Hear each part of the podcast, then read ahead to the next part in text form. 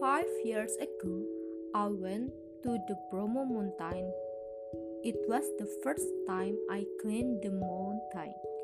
I did it with my big family. We went to the Bromo mountain with the car and we stayed a night in the homestay.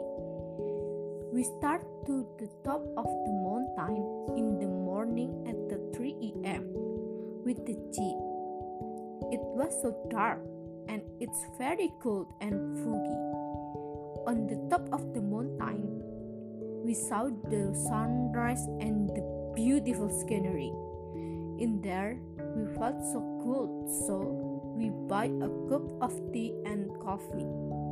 After seeing the sunrise, we had to go back to the homestay. In the homestay, we had to breakfast together and take a beach together.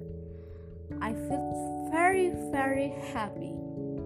However, it was great experience I had, and I will never be able to forget it because it's made me very happy and it's the best experience I had.